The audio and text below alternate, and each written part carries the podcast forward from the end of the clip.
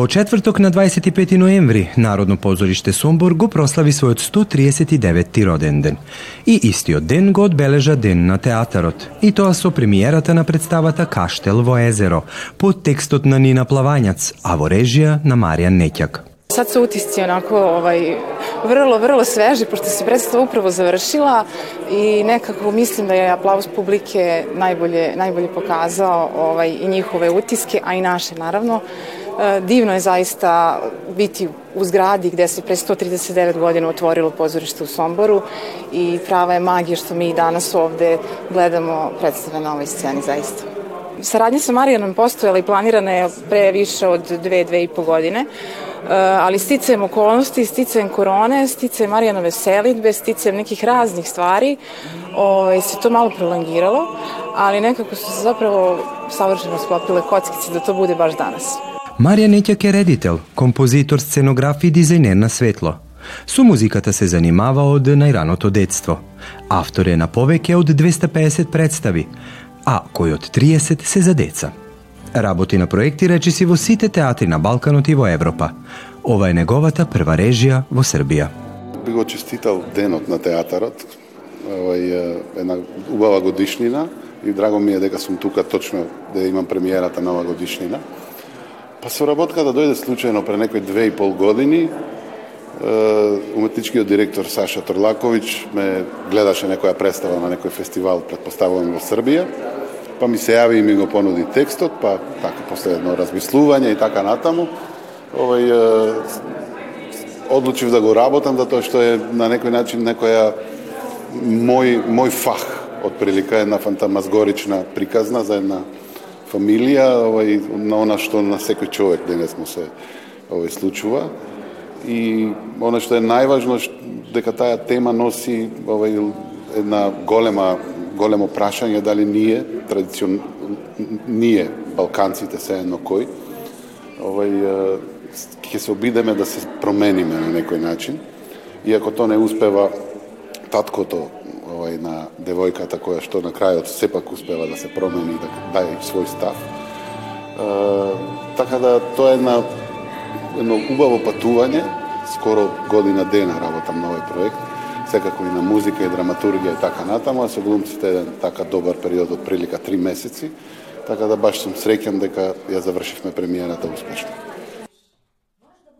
Редителот на представата Каштел во езеро ја опишува представата како повеќе слојна бајка за возрастните, истакнувајќи дека во последното време убавината е помалку заборавена, а баш таа, убавина, односно љубовта, ја постави на сцената на Народно позориште во Сомбор.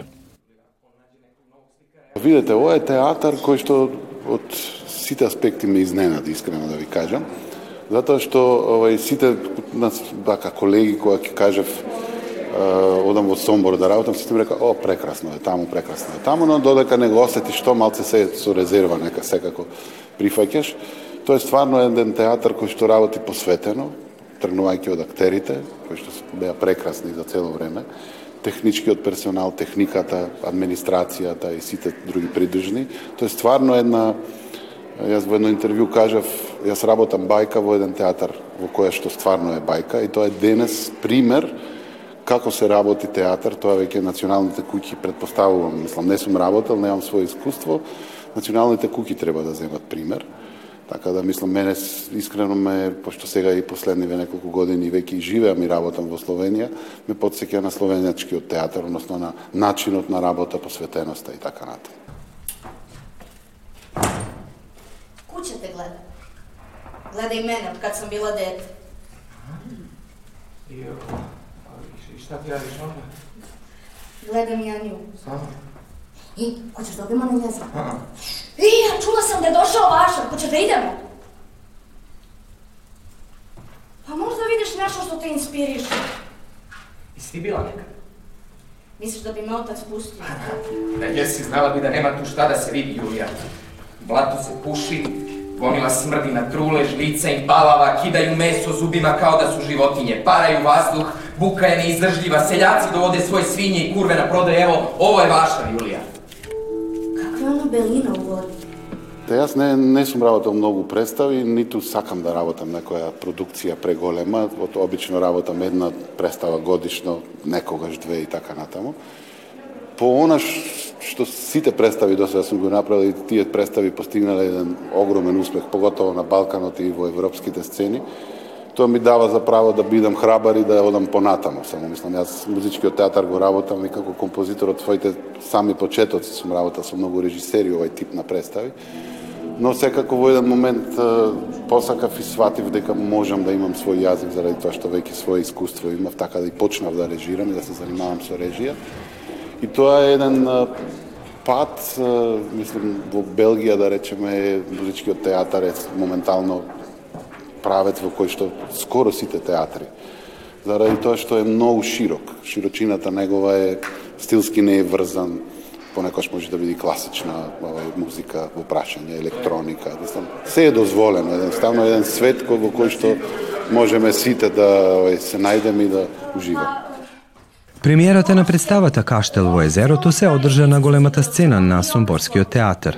Во представата играат Марко Марковиќ, Ксенија Митровиќ, Александар Истоски, Саша Торлаковиќ, Ивана Јовановиќ и Стефан Бероња. Ново и чудно на многу начини. Мислим, прво, некако не очекував дека у Сомбор ќе дојде уште еден македонец, па заедно да работиме, а второ е начин театарот негов, неговиот ракопис режисерски е за мене нешто ново. До сега немам работено ваква представа. Мислам, никаков, никаков театар кој е поврзан со музика. И јас за себе мислев дека и не знам да дека не знам да пеам, а сега сваќам дека сум употреблив шак и така певачки, така да е некако све ново, све све е чудно, уште не сме ни ние навикнати на на цело ова, али е некако е иде без лесно е, не не се мучиме, не некако е све фин. Bilo je potpuno drugačije u odnosu na sve što sam radila.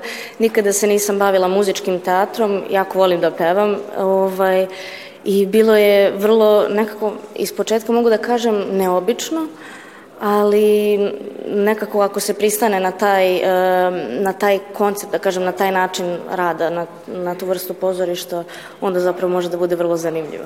Ja stvarno ne, ne, ne bев svesен дека, дека сум музички употреблив ја мислев мене една професорка на факултет ми рече благо глувима кад ви певате и ја од тој момент некако немам не гаем никакви амбиции да да пеам али Маријан ме смири и на првата проба ја му реков Маријан ја не знам ја не знам како како ќе се справиме со ова ако планираш да све биде кроз музика и ја викам не знам не знам како али Маријан е многу пријатен за соработка и некако полека и се наместиме, ај, ќе пробаме, ај вака, ај вака. И еве тоа е овој резултатот и јас се надевам дека е добро. Био je izazov. Mislim, ne toliko muzički koliko da ti muzički delovi nekako ne odskaču od dramskih delova, jer to nekako Mislim, zanimljivo jer to nije ni opera, nije baš ni drama, nekako nešto, to je nešto između i onda mislim da je najveći izazov bio nekako stopiti to sve u, u jedno.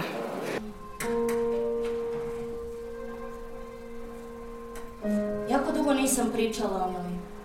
Znaš, nisam imala s kim. Nedostaje mi. Znam. A šta je s tvojom porodicom?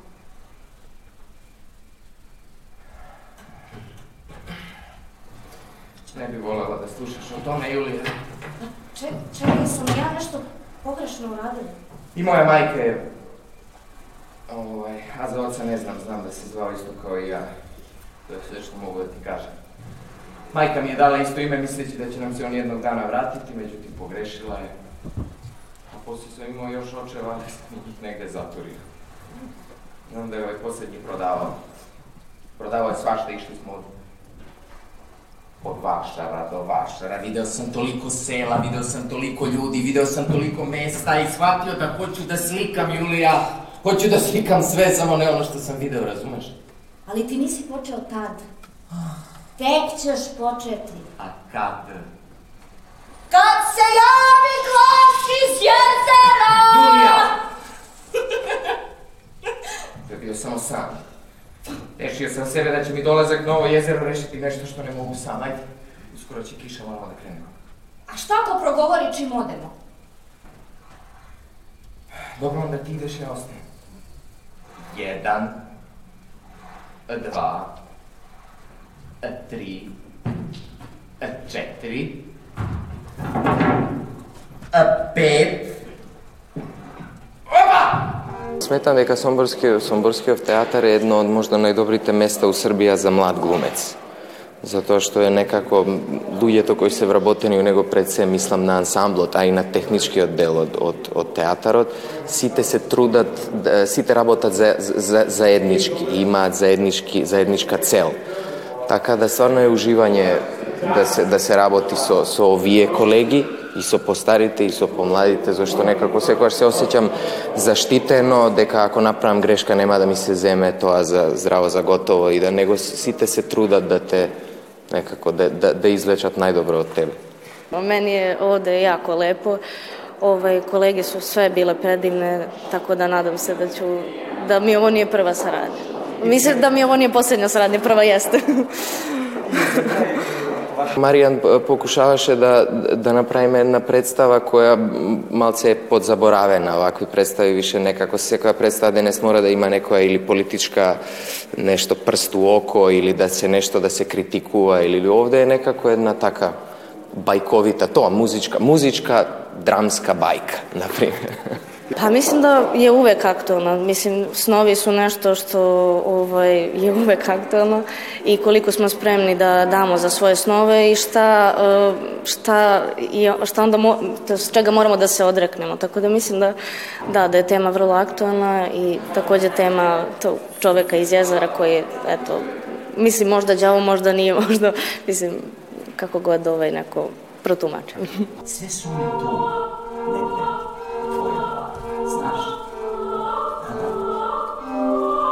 Samo nemaš prave boje, to je sve I ja ću ti dati Dođi na jezer sa svojom četnicom I u moći jednu vodu To je jedina boja koja ti treba To su sve boje koje se žele Jo, Bože, da li je ovo stvarno? Ma da, ako zaista to želiš. A zašto mi pomažeš? Pa, ja sam veliki ljubitelj Vidi, ako ikad bude mogao da uradim bilo šta za tebe, ja sam spreman. Meni ne treba ništa jezeru, s druge strane jezeru. Ono će ti dati svoje snove, za uzlet moraš dati svoje. Šta će ti uopšte san?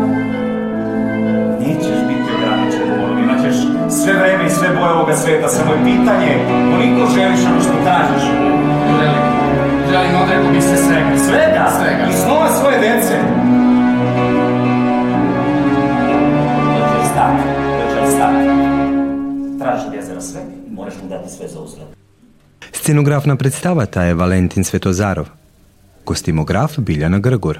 Работа на видео Маријан Лукановиќ. А консултант на сценски одговор е Богомир Ѓорѓевиќ.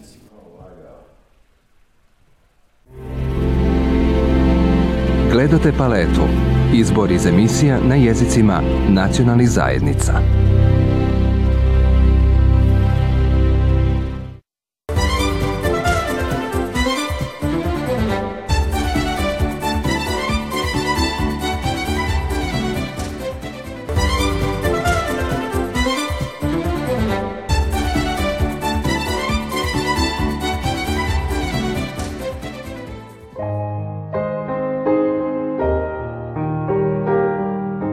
Димче Камчевски цел свој работен век го поминал во Радио Нови Сад.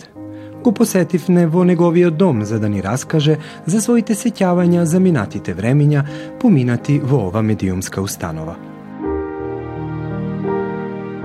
Јас сум Димче Камчевски од Прилеп, а инаку потеклото е од Кавадарци. Едно село Мрзен, Мрзено Ревојц, село околија Кавадарци. Од тука е дедо ми дојден во Прилеп, И тука и татко ми роден во Прилеп. После тука татко ми има на 5-6 места работено иностранство, има големи пари заработено. И се враќа во Македонија и отвора трговини, кафани, ова, она. 48 национализација се ни зема. Шест души остануваме на улица. И татко ми се мачеше, работеше шест души рани, ваму, таму. Ја од 13 години на занат отидов. Во Прилеп има завршено занат, војска во Белград, која е маршал Тито, таму имам служено. После војска се врати во Прилеп, уши 4 години положив мајсторски испит. Ко се врати во Прилеп, мали плати. Многу мали. И сега и ден денеска се мали Македонија парите, не се овде. И трбук што вика за, за леп, по, по, да, за порна плата. И дојдов овдека, ја имам сна. Брат ми беше женет за Новосајджанка.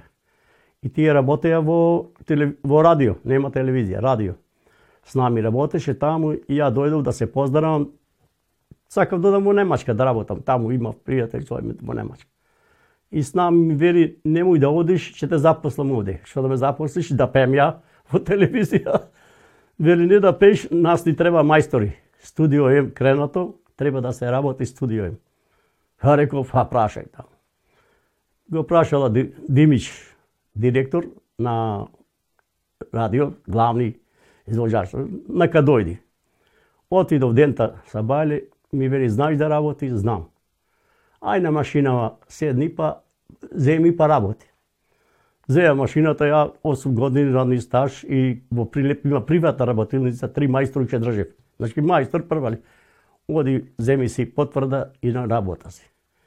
Поедов во Трудон, зедов потврда, са бајле на работа.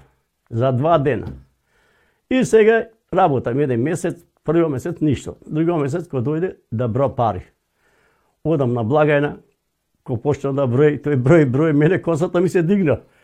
Во Прилеп има ја 12.000 до 14.000, значи преку норма, норма.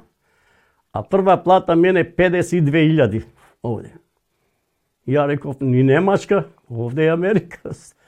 Седи тука и работи. И така сум запослен во радиостаница од 15 октомвр 64 година. Радио Нови Сад е основан со одлука на главниот извршен одбор на Народното собрание на Војводина во 1949 година. Одлуката е следеше решение во кое беше прецизирано дека се работи за државно стопанско предпријатие од покраински значај. Програмата официјално започна денот на Републиката на 29 ноември 1949 година, а тој датум се слави како Ден на радиотелевизија Војводина. Многу сме не работеле, ја но, најголем терет из, издржав таму. Јас сум работе по 8 сати, на една нога сум стоен. Не еден ден, него до 2-3 месеци на една нога. Со една нога бушиш плочи, сите плочи во радиостаница они што се избушани за акустика, тие се не се сите мои, али 70-80 се мои. На една нога бушиш. И после таму видов дека сум способен мајстор, Димич и еден немац Милер, тие двајцата да са мене. Што треба да се работи најпрецизна ствар, само ја ја добиов сум правил за магнетофони, за грамофони, страници, сето од мелопласт. Во Прилеп одев купував мелопласт. Мермерон што е донесен за студио М, од Прилеп ја ги имам донесено долу. Она мермерон и скалине, јас сите работи. Многу сне работеле, многу, али била плата добра. Плата секој три месеци еден вишак. После три месеци пола година. За нова година 13 плата. Пада тарапана. Ја зедов кола купив на кредит. Ја за пет месеци кредитот го покријав. За пет месеци со тие пари што се повишува плата да го кој да немаш кредит. Се работели се до 90-та година. Многу убај пари земавме, али се работело. Секо година или на две години една режија. Нема режија која не е направена од моите раци секоја година по една режија или нова или се обновува. Јако дојдов во радио. Само две режии. На први спрат горе двојка на српски јазик, јазик. А долу петица маđарска, словачка, тоа е. Е, ту, значи две студија. Е, сега види колку студија има. 20 студија. Тоа сето по мој раце се. Добро, не сум само ја. Али во сите сум ја главни водител. Значи, кај ќе зашкрпи да не може да се направи нешто, мене. Покрај времето поминато на работата во нова средина, Димче не ја забораваше својата татковина, така да секој годишен одмор со фамилијата го проводеше во Македонија. Секоја година по два месеца. Децава и женава, ја месец. Тие по два месеца. Зимно распут таму и летно два месеца. Таму што ќе појда кај дедо, кај баби, богати луѓе ние сме били, нас не изделе и, и дан денеска ја продавам земја, сега продавам земја. Уше, еве се водам, па таму битка, имам земја во центар во Прилеп, ми ја зема државата бадијала, насно сум. Но ние сме били богати, татко ми две тр... трговини, кафана, пекара, се, ние сте, ти викам. Значи, сум живел добро. Сум, како сум пошол на занат Во животот никош не сум бил гладен. Никогаш. Ако немам 5 динари, 2 динара имам. А 2 динара поштувам како да сум имал 5 динара. Значи сум бил кучок за куч. Сето ми е створено ови со мои рацеви. Во радио работев 38 години. Нонстоп, 38. И во Македонија имам 4, 42 години радни стаж имам и заминувам во пензија. Во пензија сум сега 20 години ќе направим во децемвр во пензија. А уште 20 мора да ме плаќа колку што му имам дајно плаќано толку. Ја не се предавам. Јас сум таков човек, весел човек, сите ме сака градот, сите ме познава. И денеска своето слободно време го поминува работно. Вредните раце на Димчо Камчевски и понатаму изработуваат предмети кои ги украсуваат разните простори и домови. Јас сум уште активен, до скоро до 5-6 години уште работам. И сега прекина повеќе не и драги се вика на мене доста тие. Не не ќе видиш работилница, имам ја таму ја комплет работилница имам, ја стално приватно. Значи, ја не сум осеќа пензија. Ја не можам да седам. Мене капана викни ми да ми даеш да јадам да пијам пол сат. После посат, готово, нема. Тако сум човек. Ја ти кажувам, од 13 години ја пла... лево го заработувам. Работа ми е од 13 години. Ја во Македонија таму уште кога работев, дачи ми 4 години школа завршив, онда висок квалификован, таму три мајстора држив.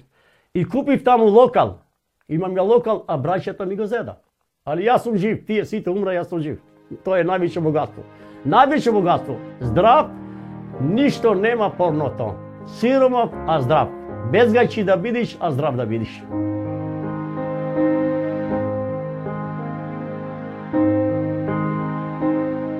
За долг живот, одмерено јадење, одмерено пиење, одмерено работа, од работа, мислим, физичка работа тешко е, али мојата работа не е физичка, мојата е пола умствено, пола физичко. Ја морам и со памет и со раце да работам. Така се работува.